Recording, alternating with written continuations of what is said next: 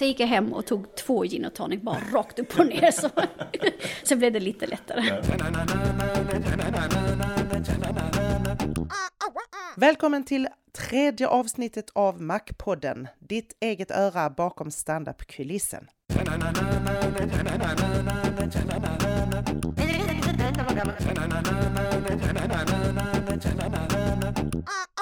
Idag pratar vi bland annat med Sandra Westin. Jag har spelat rätt mycket fotboll, eh, så att jag känner som att man går upp och ska göra en match. Vi kommer att träffa Hasse Brontén. Först så eh, lyssnade jag mycket på gamla ståuppare när det kom i slutet på 80-talet. Jag hade någon sån här kassettband.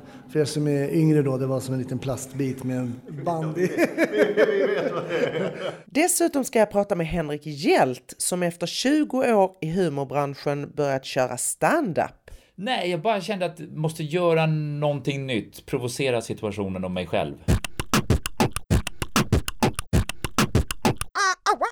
Jag sitter här med Sandra Westin. För våra lyssnare som inte känner dig så väl, eh, kan inte du börja med att presentera dig lite kort? Ja, jag eh, bor i Staffanstorp, har eh, tre barn, en man och är fritidspedagog. Gillar, älskar fotboll, MFF och stand-up älskar jag också. Och du utövar det här stand-up då? Alltså nu har jag nog hållit på i tre och ett halvt år ungefär, alltså köra. Eh, och hur, hur började du med det? Hur kom du på tanken att ah, men stand-up, det vill jag testa? Eh, alltså jag har alltid tyckt om att spela teater, så jag var med i amatörteater innan i Malmö. Men sen när man har tre barn så är det svårt att hinna med. Eh, för det är väldigt mycket, man ska träffas och repetitioner och sånt där. Så då tänkte jag att eh, stand-up kanske är någonting, för då kan jag gå en kurs och bestämma liksom att jag går på kursen de här sex gångerna. Eh, och sen, ja, om man kör så vet man liksom att man bestämmer vilka kvällar man kan och sådär. Det är lite mer fritt. Så då ja, blev det så att jag gick en kurs. Den första kursen var faktiskt på eh, ABF. Och så tyckte jag det var så himla kul. Jag tror det var Jo- Johannes Finnlaugsson som höll i den. Eh, så tyckte jag det var så roligt så då gick jag en kurs till på Folkuniversitetet som eh, Ja, vad hette han? Ja, det var en annan kille, jätteduktig, som höll i den. Eh, och så- duktig att du kommer ihåg hans namn. Ja, precis. Jag kom Ja, han var här ikväll, men jag är, jag är inte bra. Nej, jag är så dålig på namn. Det, det är därför jag aldrig vill vara konferencier, för det är helt fruktansvärt med namn.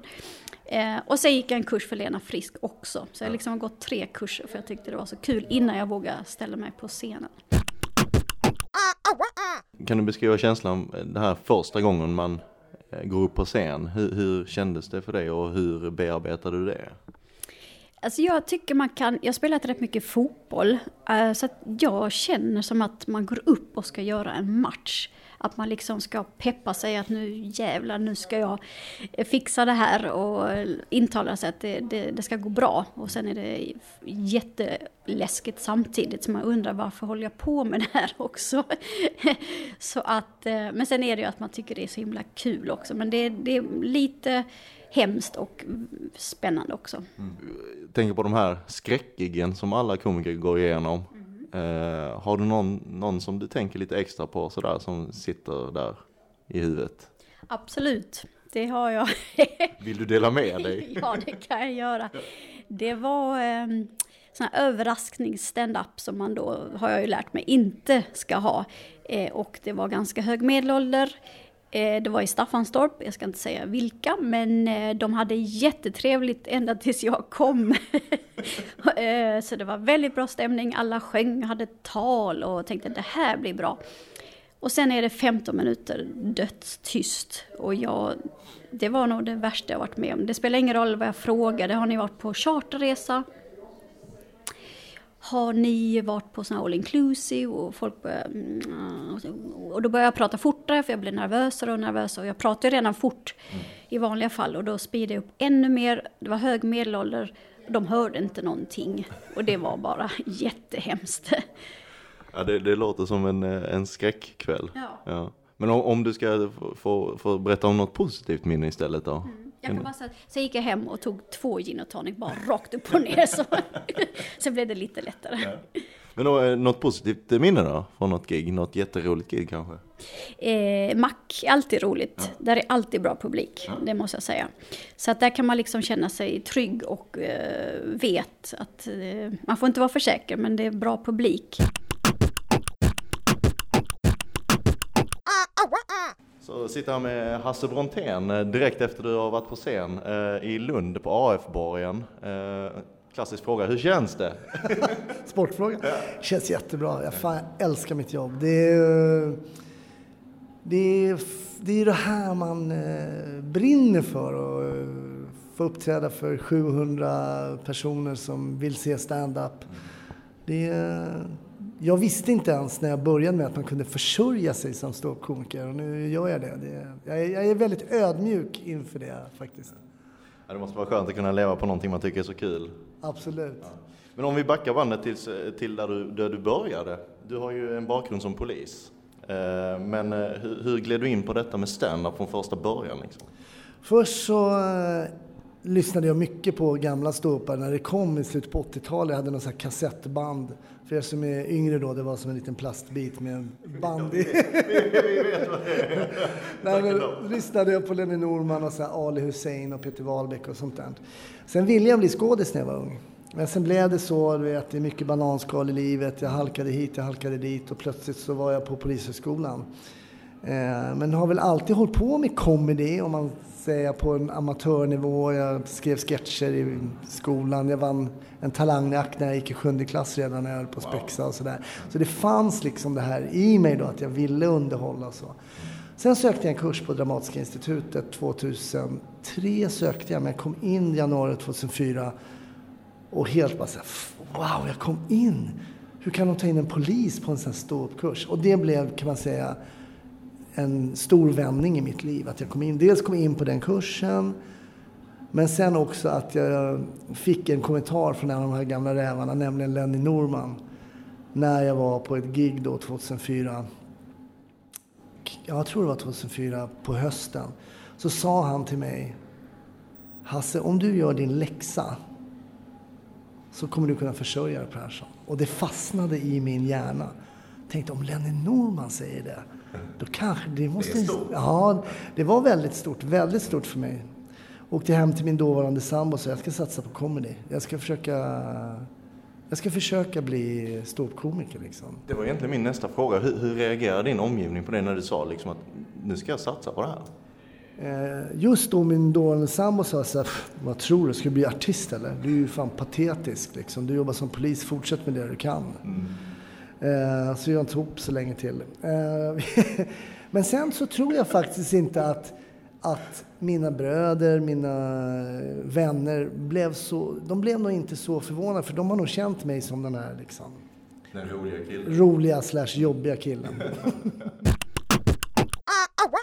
På Mac så finns det en sån här kurs man kan ta med Lena Frisk, en nybörjarkurs för stand-up. Om det sitter någon där ute som lyssnar och, och tänker att fan jag är nyfiken på detta. Har du några bra råd till de här människorna? Ja, nej men alltså klassisk sån standup. det- Sitter du och är nyfiken på standup så ska du definitivt prova standup tycker jag. För det är eh, oerhört roligt. Vi är också en rolig gemenskap i Sverige. Jag skulle säga att vi är lite unika vi som kör standup. Oavsett om man har kört och kanske lite kortare, lite längre så har i alla fall jag en väldig respekt för de som går upp och ställer sig där. För att jag vet vad det innebär att stå där. Du har skrivit det själv, du framför det själv och du ska liksom få folk att garva. Det är inte så himla lätt. Men rådet är, titta på dig själv. Vad har du för brister? Det brukar vara kul att börja med. Prata om dig själv. Man är alltid nyfiken om det kommer ut en ny människa på scen. Vem är det här?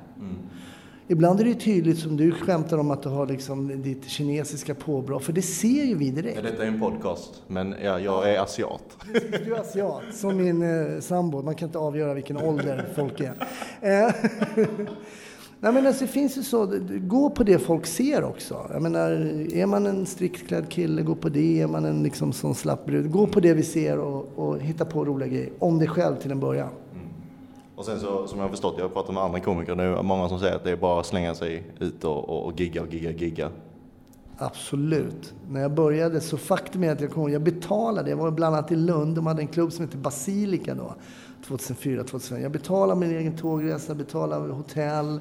Jag betalade för att få uppträda. Så mycket tyckte jag, så roligt tyckte jag att det var. Känslig fråga i Sverige, hur mycket betalar du för att få gigga där? Nej, jag betalade alltså, jag, jag betalade inte för att gigga, utan jag betalade resan och mitt hotell och sen fick jag inget gage. Ah, var... ja, men det, det händer fortfarande idag. Ja, men precis. Och det är där man börjar. Så man, det är väl det man måste förstå att eh, ska man börja och ge sig in i det här, för det här är ingen rättvis eh, bransch, om man ska säga så. Jag menar, eh, hur duktig man än är så kommer man bli omsprungen av folk som är mindre roliga eller som eh, av olika anledningar kommer på TV eller får en eget radioprogram eller vad det än är. Så att man får liksom tro på sig själv och bara fortsätta i sin egen fåra. Liksom. Det är viktigt. Eh, Har du fått eh, gigga inför dina gamla kollegor, poliserna tänker jag då? Har du det? Ja, det har jag gjort. Jag har gjort ganska mycket. I början där var det ju... Min akt var ju 100 procent, inte 100, men det var ju väldigt mycket polisskämt. Så jag har ju giggat på sån här balen för student, polisstudenterna när de slutar och för polischefer och allt möjligt. är det uppskattat då? Jo, men det är det. Poliser har faktiskt, måste jag säga, vi är ju vana att ta skit. Alltså vi säger fast jag inte ens jobbar som polis nu. Men vi får ju ständigt skit när man är ute. Men det känner jag en skillnad att när jag jobbade som polis och folk sa jävla idiot, fascist eller vad de än kallar för. Så kände jag det inte mot mig. Det är mot min uniform. De känner inte mig. Jag är en ganska bra kis liksom. Men när de säger att du är värdelös som komiker. Då känner man så ah, det är ju verkligen jag. För vi står ju där bara som oss själva. Vår egen humor, det är vårt kroppsspråk, det är vi själva som har övat in det. Och det kan jag känna ibland, den kritiken kan ta. Sen har vi oftast väldigt stora egon som är lite lättsårade, men det är kanske är en annan historia.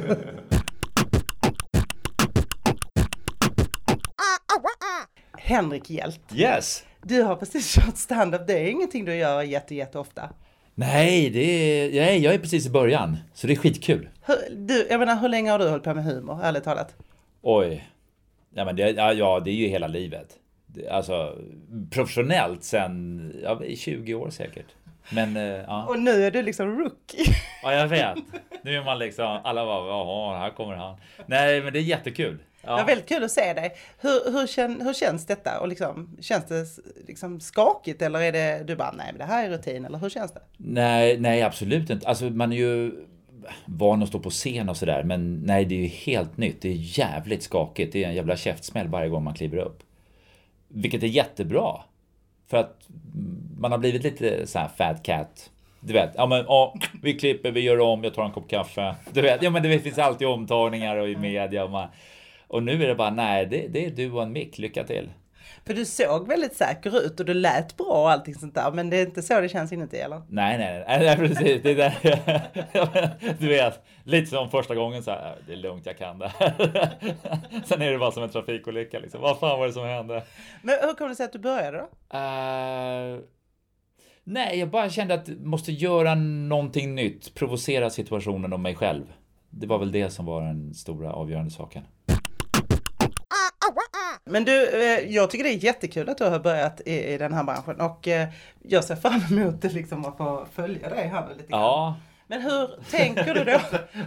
Man vet liksom inte. nej, det är på allvar. Fler här i rummet. Man, man vet inte om det är snällt eller liksom, ja men det ska bli jättekul att se Det dig. ska, ska bli så kul att se när du snubblar fram. Nej då, nej, på allvar. Men jag tänkte bara fråga dig lite grann nu. Du har ju skrivit liksom sketcher, du har skrivit annan typ av humor. Mm. Hur, nu har du börjat skriva stand-up. Hur stor skillnad är det tycker du? Nej, men det är en jätteskillnad på hur man framför och alltihopa, men också att man lär sig nu när man har börjat att liksom korta, bam, bam, det är jävligt nyttigt liksom. Du gör långfilm, du gör TV, du är med i en teater, alltså du har tid på det, oändlig tid i jämförelse med stand-upen där du måste liksom, skär det som är onödigt, måste du ha den där uppbyggnaden, måste du göra? Nej. Och så får man hela tiden jobba, så det är jättekul. Hur länge satt du innan du testade första gången? Och, och, och skar, skar och kapade? Nej, inte så mycket tyvärr.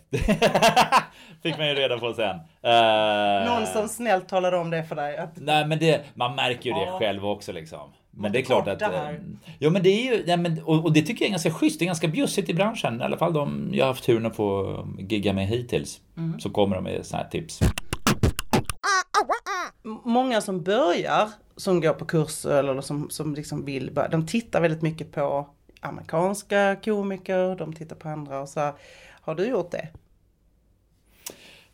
Ja det gör man ju. Man tittar ju men... Eh, Nej, amerikanska. Jag tycker det är bättre att se på svenska. Det, det är vårt språk, vår kultur och hur vi är. Eh, sen är det klart att man kan finlira med att titta på andra och, och då ska man inte bara kolla utan titta på alla. Det, man kan ju lära sig jättemycket av italienska.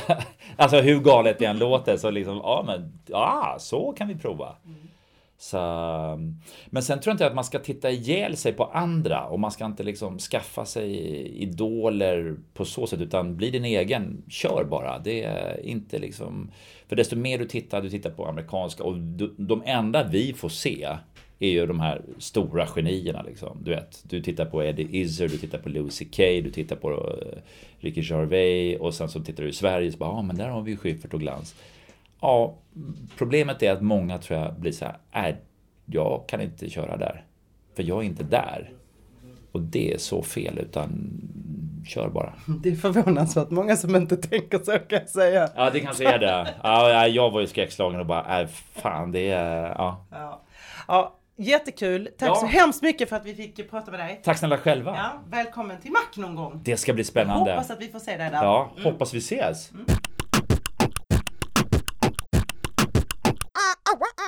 Det var Mac-podden för denna gång. Vi hörs om två veckor. Hej hej! Ah, ah, ah.